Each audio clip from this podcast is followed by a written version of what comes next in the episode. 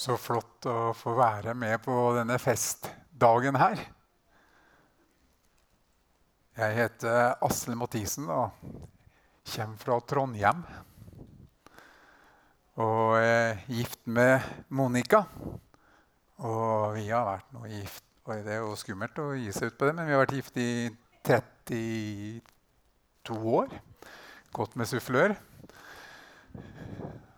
Og vi har blitt velsigna med tre barn, og så har vi fem barnebarn. Så familien, den, den vokser.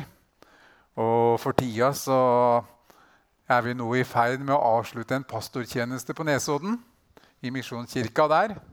Der har vi vært nå snart i åtte år. Og så har jeg jobba i menighetssammenheng siden i 91. Så så det begynner å bli en del år ulike steder i landet. Og så gleder vi oss stort til vi skal komme. Vi merker når vi er på Nesodden at det er litt sånn oppbruddsstemning. At det er en del ting som skal landes før vi skal gå, gå videre. Men vi gleder oss over det som eh, ligger foran, og er veldig spente på å få være sammen med, med dere her. Så det gleder vi oss til å bli bedre kjent. Så det er en sånn kort bakgrunn om eh, meg. Og en annen viktig ting det er at eh, en liten lidenskap som jeg har, det er at jeg er litt interessert i fotball. Sånn lite grann. Og da ser jeg litt over dammen til England. Og litt nord der så er det et veldig bra lag.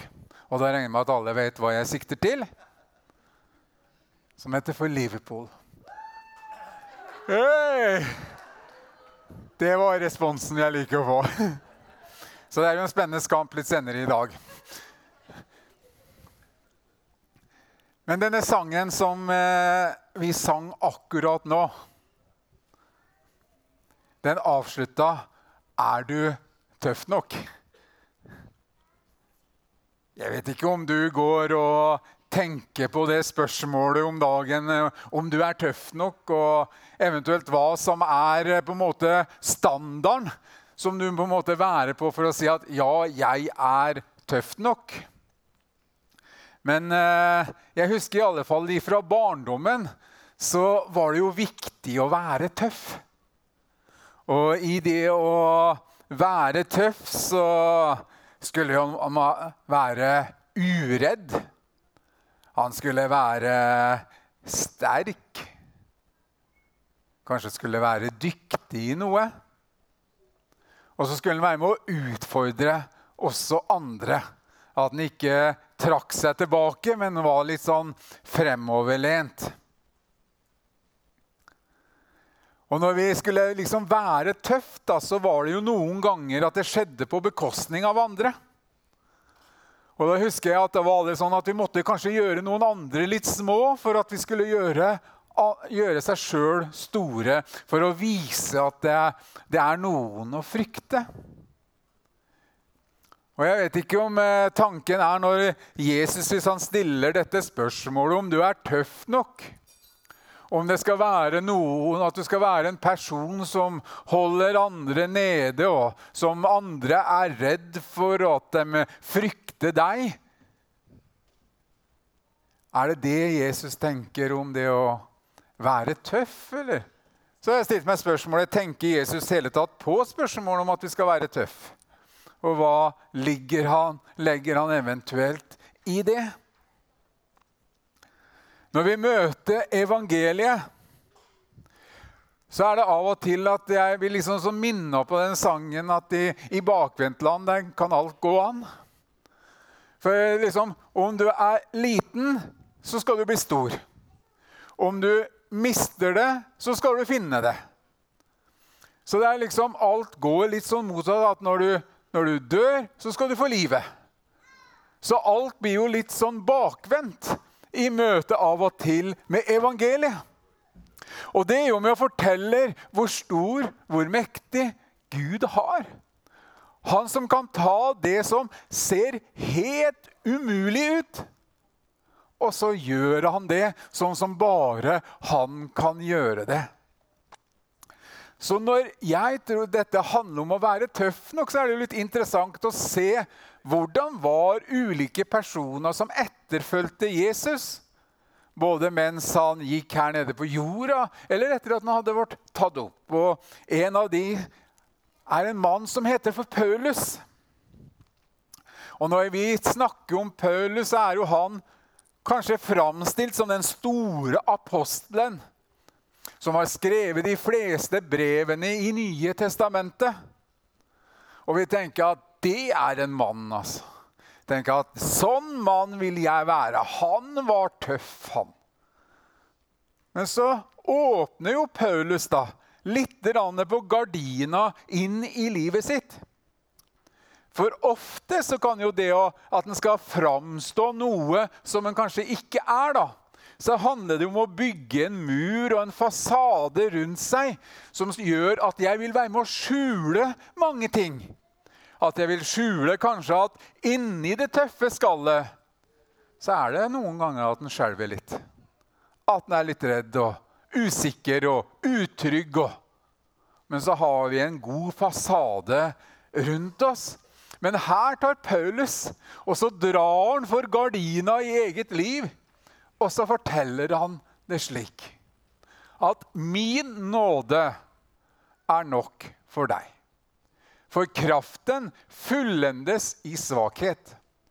Derfor vil jeg helst være stolt av mine svakheter, for at Kristi kraft skal ta bolig i meg. Derfor blir jeg fylt med glede når jeg for Kristi skyld er svak blir mishandlet, er i nød, i forfølgelse, angst. For når jeg er svak, da er jeg sterk. Min nåde er nok for deg. Her sier Jesus direkte til Paulus at det jeg er, det er nok for deg. Jeg er nok for deg. Det som du søker, det som du strever etter, det som du lengter etter, det som en prøver å favne, så sier Jesus, 'Jeg er nok'. Og er Jesus nok for oss? Er det slik at hvis vi har funnet Jesus, så har vi funnet alt? At det er han som er kilden? Jeg vet ikke hvordan lista di blir hvis jeg gir deg en oppgave nå og skriver lista Hva er jeg stolt av i mitt liv?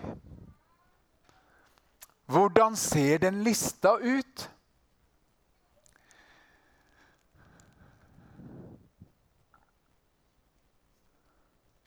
Ja Her jeg kommer kanskje borti noe her?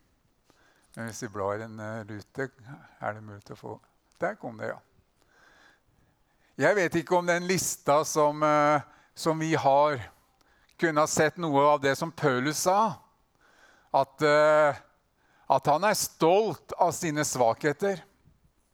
For han vet at mine svakheter Jeg har en kilde som gjør at når jeg er svak Derfor så tror jeg ikke at vårt største problem som kristne er at vi er for svake, men at vi er for sterke i oss sjøl. Vi blir litt som eh, Jeg husker barna mine når de vokste opp. Så var det jo en periode vi skulle lage brødskive til dem og smøre på, på brødet. Og så kom det en periode jeg hørte 'klare sjøl'. Jeg klarer sjøl. Skal gjøre det sjøl. Det var ikke mange årene før, det, før disse ordene kom ut. Men sånn kan vi også være innenfor Gud og innenfor livet. Klare sjøl. Jeg klarer sjøl. Jeg klarer sjøl. Men Bibelens invitasjon, evangeliets invitasjon, det er å invitere Jesus og si at 'Jeg vil gjøre dette her sammen med deg'. Jeg trenger deg, Jesus inn i livet mitt, inn i hverdagen. Så det å være tøff, i mine øyne i alle fall, for mitt liv, det er å si at 'Jesus, jeg trenger deg'. At jeg kan si det til meg selv.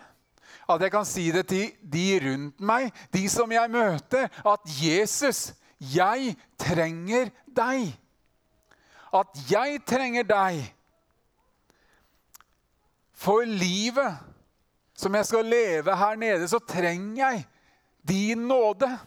Jeg trenger din hjelp, din håndsberøring over livet mitt. Jeg trenger virkelig det når jeg skal inn i det evige. At det ikke er bare et perspektiv her nede på jorda, men jeg tror at jeg skal få være evig sammen med han. Så trenger jeg Jesus, både i liv og i død. Jeg trenger Jesus for å være den pappaen som jeg vil være. At jeg kan få være den beste faren som jeg ønsker å være. Om jeg kan få gi noe til barna mine eller barnebarna som kan ha en berøring med Jesus å gjøre. At de kan bli berørt av noe mer enn bare meg. Jeg trenger Jesus som min hjelper. Jeg trenger Jesus i møte med venner, de som jeg omgås i hverdagen, i arbeidssituasjonen. Og så trenger jeg også Jesus når jeg har bestemt meg at jeg, jeg ønsker å leve etter denne boka her. Jeg ønsker at denne boka her kan få være en veiviser inn i livet mitt. Og da kjenner jeg at jeg trenger Jesus.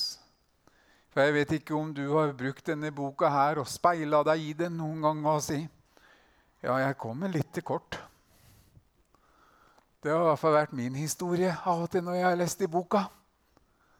Og da er det så godt å vite at jeg trenger deg, Jesus. Jeg har en som følger sammen med meg.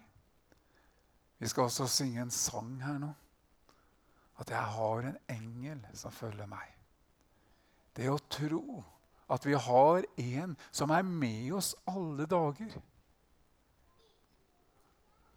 De barna som ble døpt, familiene, alle oss her kan få vite at vi har en som går med oss alle slags dager.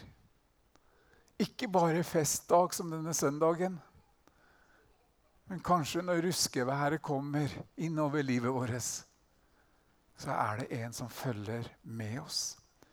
Ikke for å ta kråkfot for oss, ikke for å holde oss ned, men for å bekrefte deg, løfte deg opp, se deg i øya og si at du er dyrebar, min elskede.